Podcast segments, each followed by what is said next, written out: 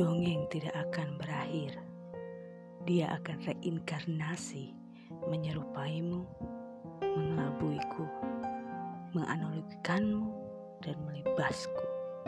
Aku menyebutnya dongeng berjangka.